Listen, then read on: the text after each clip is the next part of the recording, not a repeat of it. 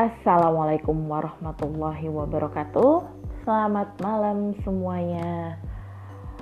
Apa kabar? Semoga hari ini buat yang puasa uh, puasanya dilancarkan walaupun sebenarnya ini mah udah jam mau udah jam buka puasa ya sebenarnya.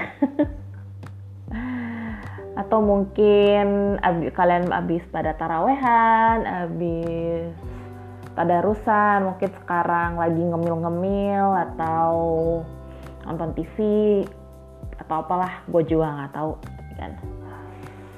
Uh, eh, gue Ulfa di sini dan selamat datang kembali di podcast gue di A Very Random Podcast by Ulfa Wahyuni gue gue nyebutin nama gue dua kali ya. Yaudah nggak apa-apa deh ya. Oke okay, jadi mungkin buat yang di Twitter atau teman-teman dekat gue sendiri kalau gue punya gue punya kok tenang aja. Ya intinya sih mungkin beberapa ada yang ngikutin gue di Twitter ngefollow ya. Nggak enak banget biasanya kayak ngikutin kayak stalking tau gak sih? Ya uh, mungkin ada yang tahu gue juga dari Twitter dari Instagram. Taunya gue seringnya nge-tweet soal badminton. Gue juga beberapa kali ngisi di podcastnya Bang Ibi di podcast Tepak Bulu. Juga ngomonginnya soal badminton mungkin sering juga ngeliat gue nge-reply di tweetnya BWF official dulu-dulu tuh sebelum uh, turnamen di suspend gini ada juga kali ya gitu kan. Oke okay, jadi yang pengen gue ngobrol sini sih sebenarnya uh, gimana sih awalnya gue bisa nyemplung ke badminton gitu ya Hmm, gue sih sebenarnya bukan orang yang ngikutin olahraga banget gitu. Walaupun abang gue sendiri itu ya mungkin adalah dulu beberapa kali uh, mencoba untuk ngajak gue nonton uh, Liverpool because he's a huge Liverpoolian. Terus juga biasanya sih paling gue kalau bola sih sebenarnya nggak terlalu paham. Paling cuman kayak nonton uh, World Cup atau Euro udah sih sebatas itu aja. Gue nggak terlalu ngikutin liga ya itu terus untuk olahraga olahraga yang lain juga gue sebenarnya nggak terlalu tertarik.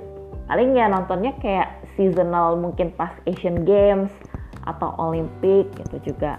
Nah awalnya badminton juga gitu sih. Jadi gue nggak terlalu ngikutin badminton sampai abis Asian Games 2018 gitu kan.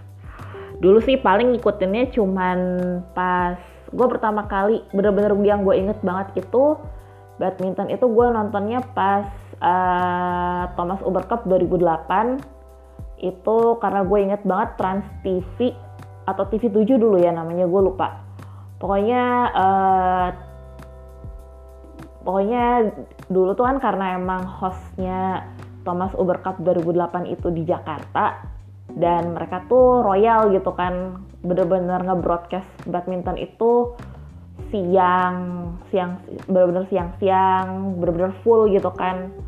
Nah, kayak sekarang cuman Indonesia doang kadang-kadang yang diperlihatkan gitu.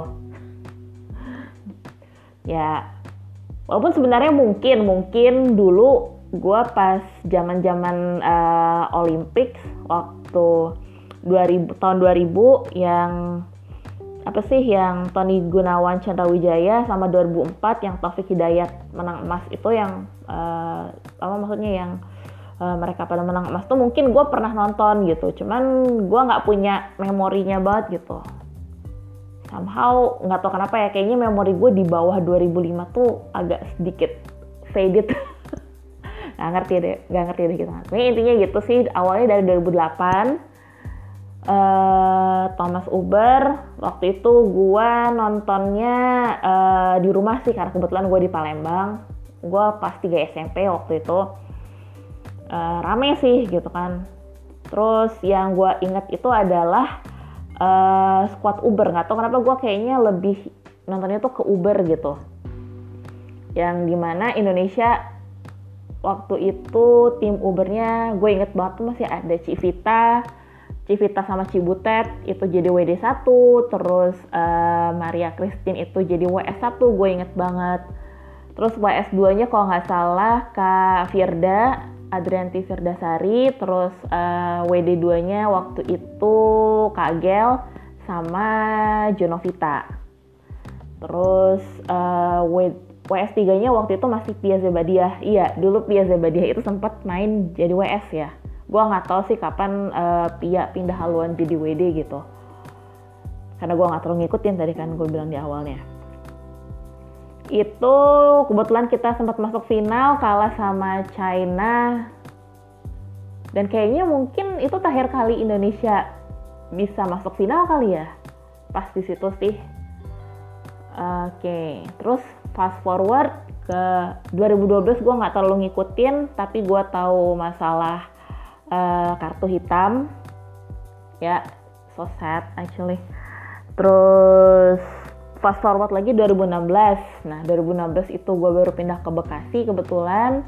Uh, akhirnya gue nonton tuh uh, yang di Rio Olimpiade. Waktu itu gue nontonnya yang gue waktu itu gue nontonnya kalau nggak salah yang ganda campuran itu ditayanginnya di SCTV ya. Yang gue paling inget banget itu sayangnya adalah pas uh, XD kita tuh harus ketemu di quarter ya gue lupa di quarter atau di iya di quarter deh kayaknya kalau nggak salah gue lupa. Soalnya ya di quarter nah itu sih yang agak disayangkan. Gue cuman inget nontonnya itu. Nggak tau kenapa gue nggak inget uh, yang ganda putra ya. Apa gue apa waktu itu udah terlalu kemalaman atau apa gue lupa. Karena pas zaman zaman gitu gue masih jadi anak baik-baik yang nggak terlalu suka begadang.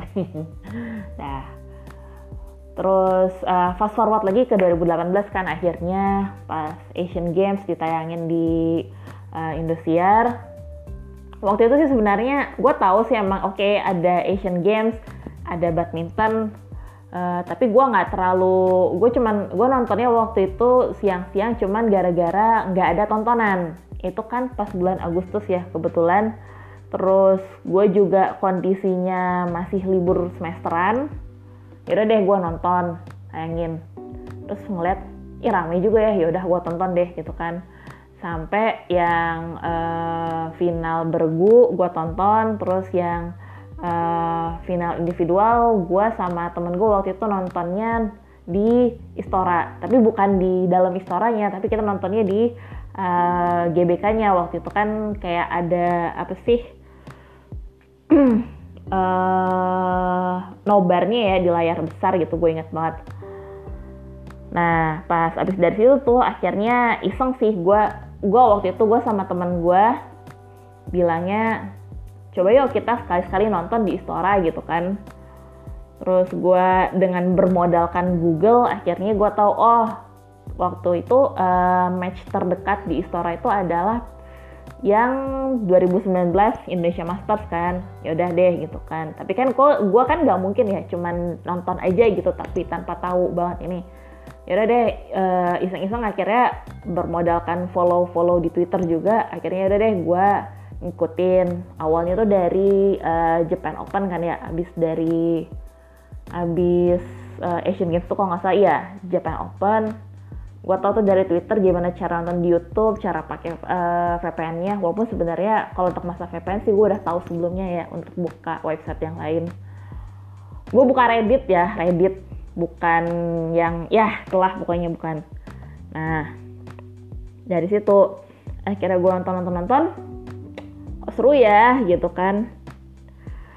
Uh, ya udah deh setelah itu gue nonton dari uh, Jepang, China, Korea akhirnya keterusan sampai sekarang gitu.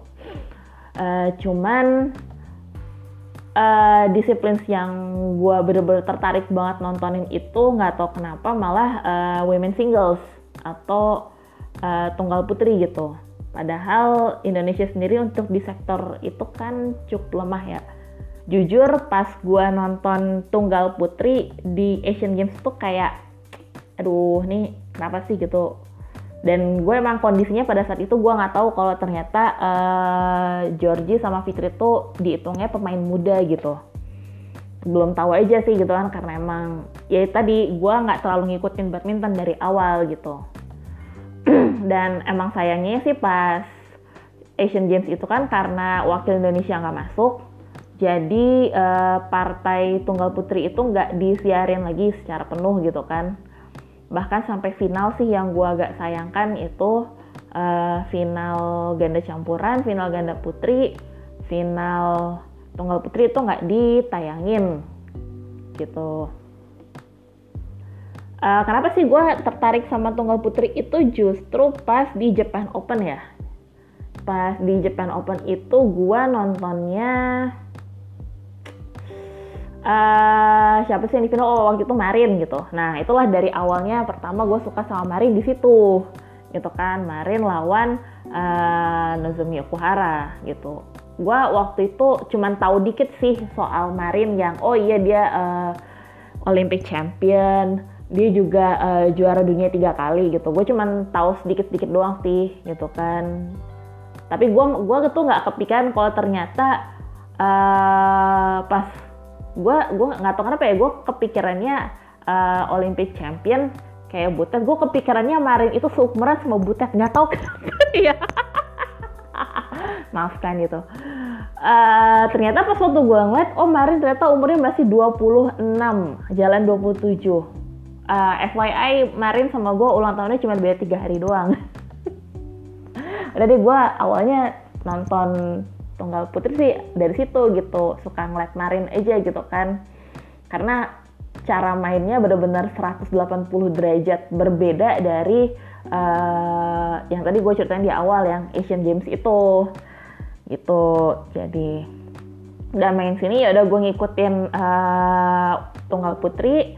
Akhirnya gue tahu deh yang uh, top topnya siapa aja. Selain Marin sih gue juga gue suka Tai Swing sebenarnya Uh, terus gue gua kayaknya kalau untuk top 8 sih semuanya gue suka gitu. Karena uh, each of them itu mereka masing-masing itu punya keunikannya sendiri. Kayak misalnya uh, tadi gue pas waktu gue bilang uh, Tai Suying kan emang terkenal sama deception sama main cantiknya kan.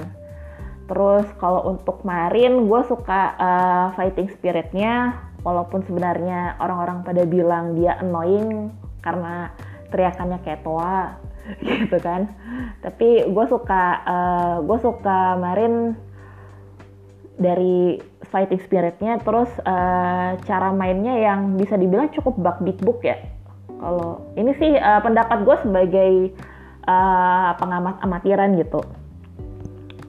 Jadi uh, kalau Marin itu yang gue lihat dia bagus di uh, powernya sama smashnya Sindu juga sama uh, 11-12 sih gitu kan. Terus pas waktu akhirnya uh, beberapa saat yang beberapa saat yang lalu ya beberapa waktu yang lalu akhirnya gue sempetin banget nonton full match mereka berdua di yang uh, final Olimpik ya. Itu sih rame banget sumpah asli. Uh, terus gue juga suka kalau dari Akane gue suka karena dia ulet sama defense-nya ya. Itu subhanallah sekali terus uh, dia juga kemampuannya untuk mengejar bola itu ini banget bener-bener uh, uh, apa sih kayak emang bener-benernya anak kayak setiap bola ke mana pun itu bener-bener berusaha banget dia kejar gitu. Terus kalau untuk Nozomi gue suka attitude-nya uh, terus gue suka uh, Nozomi juga karena ini uh, menurut pendapat gue pribadi ya di antara top 8 itu gue suka uh, Nozomi itu footworknya paling enak dilihat gitu. Enak aja ngeliatnya dia di, di lapangan ke sana kemari gitu. Bedanya kalau Akane kan bener-bener ngejar kayak lari tapi kalau Nozomi itu bener-bener kayak dancing. Ini menurut pendapat gue pribadi ya gitu kan. Uh, terus siapa lagi ya? Top 8 itu Chen Yufei. Ah kalau Chen Yufei itu jujur gue dulu kurang suka sih. Uh, karena apa ya dulu pas awal pertama kali gue nonton Chen Yufei itu pas uh, final China Open Super, Super 1000 pas di sana sih emang Chen Yufei mainnya emang bener-bener gak enak banget ya. Kayak emang bener apa sih uh, waktu itu kan di final lawannya Marin. Marin itu bener-bener sangat mendominasi dan Chen Yufei itu bener-bener kayak uh, lost gitu. Kayak ini orang ngapain sih di lapangan? gitu kan bener-bener gitu gue mikirnya isi uh, tapi uh, dari Yufei gue suka ngeliat progresnya. Karena uh, walaupun emang uh, head to headnya sama Tai Suying itu nggak bagus tapi uh, Tai Suying itu eh Tai Suying lagi apa Chen Yufei itu apa sih uh, progresnya kelihatan kelihatan banget. Beda mainnya dia di China Open Super 1000 sama final China Open uh, 750 yang di Fuzhou itu kebetulan lawannya sama sama-sama Marin. Eh Marin atau Okuhara ya? Lawannya gue lupa. Aduh ntar deh gue cukup. Pokoknya, pokoknya uh, dia kan karena dia juara di situ kelihatan sih gaya mainnya uh, berbeda banget gitu walaupun uh, dia 11-12 sama Kento Momotanya mainnya lebih ke safe tapi uh, serangannya juga, bagus sih. Terus progresnya juga waktu 2019 sih bagus banget ya karena uh, Chen Yufei itu seingat gue dia nggak pernah gugur di babak awal minimal masuk quarter final karena dan di quarter final pun cuma pernah kalah sekali doang di uh, Korea itu juga kalahnya sama uh, kompatriotnya Hebing Jiao terus uh, selain Chen Yufei habis itu ada Mai ada Ratchanok Intanon. Gue suka Mai juga.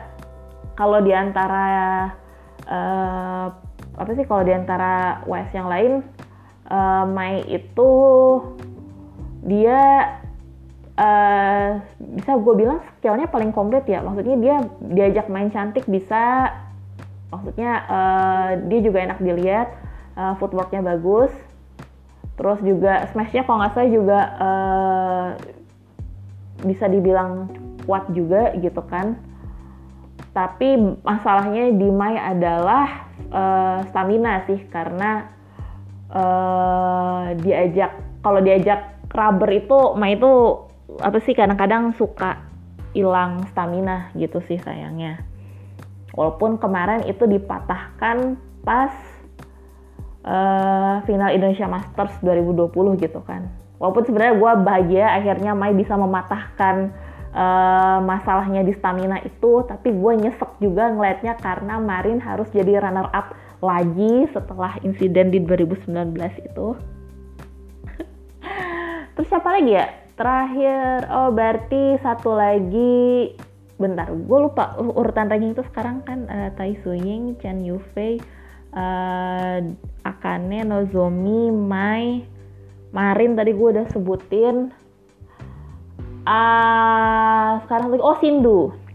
Uh, Sindu sih sebenarnya gue uh, sukanya Sindu dia 11-12 sama Marin ya dia mainnya lebih ke power benar-benar pokoknya kalau kemarin lawan Sindu tuh udah kayak WS rasa MS kalau gue bilang tapi yang agak gue sayangkan sih sekarang progresnya setelah uh, jadi world champion itu menurun gitu.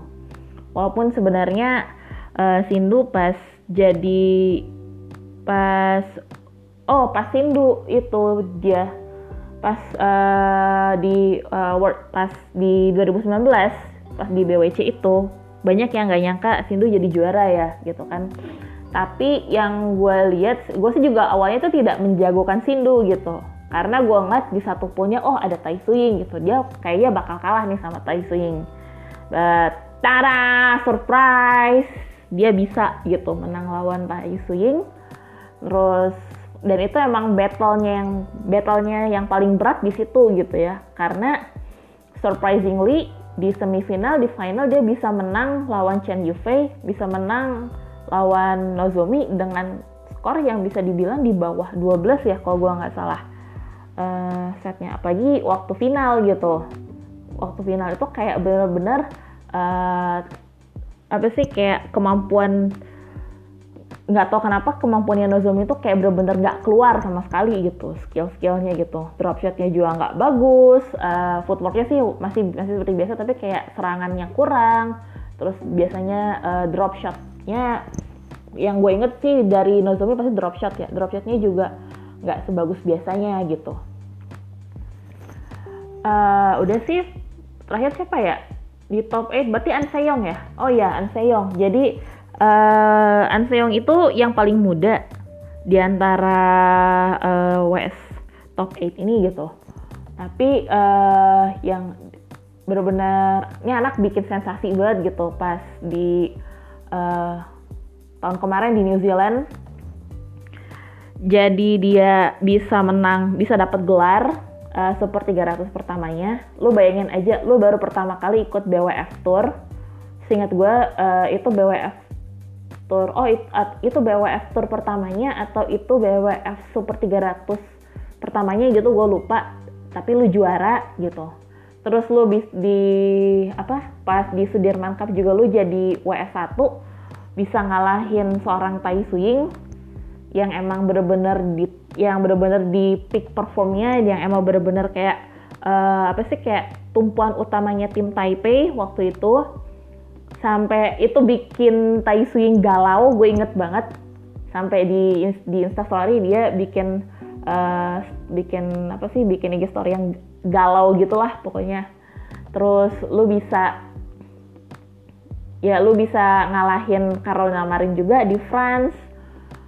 Lu bisa ngalahin beberapa WS top juga walaupun yang gue lihat sih uh, Anseo masih belum bisa pecah telur ngelawan uh, top women singlesnya China ya. Baik itu Chen Yifei maupun uh, He Bingjou itu sendiri gue suka sih ngeliatnya anak uh, dia emang punya footwork yang bagus. Untuk ukuran untuk ukuran dia yang 17 tahun dia punya footwork yang bagus. Uh, kalau untuk pukulannya dia masih bisa dilatih lagi. But again I said she's just uh, 17 or dia sekarang 18 tahun kayaknya ya. Ya pokoknya bener-bener masih uh, masih remaja banget gitu. Masih punya ruang untuk bergerak dan berkembang kok gue juga tadi awalnya pengen ngomong ber, berkembang kenapa bilangnya bergerak ya? Otak otak ya ampun. Udah sih paling uh, itu aja. Gue sih sebenarnya cup-cup kayak gini karena gue kangen turnamen cuy. Seriusan.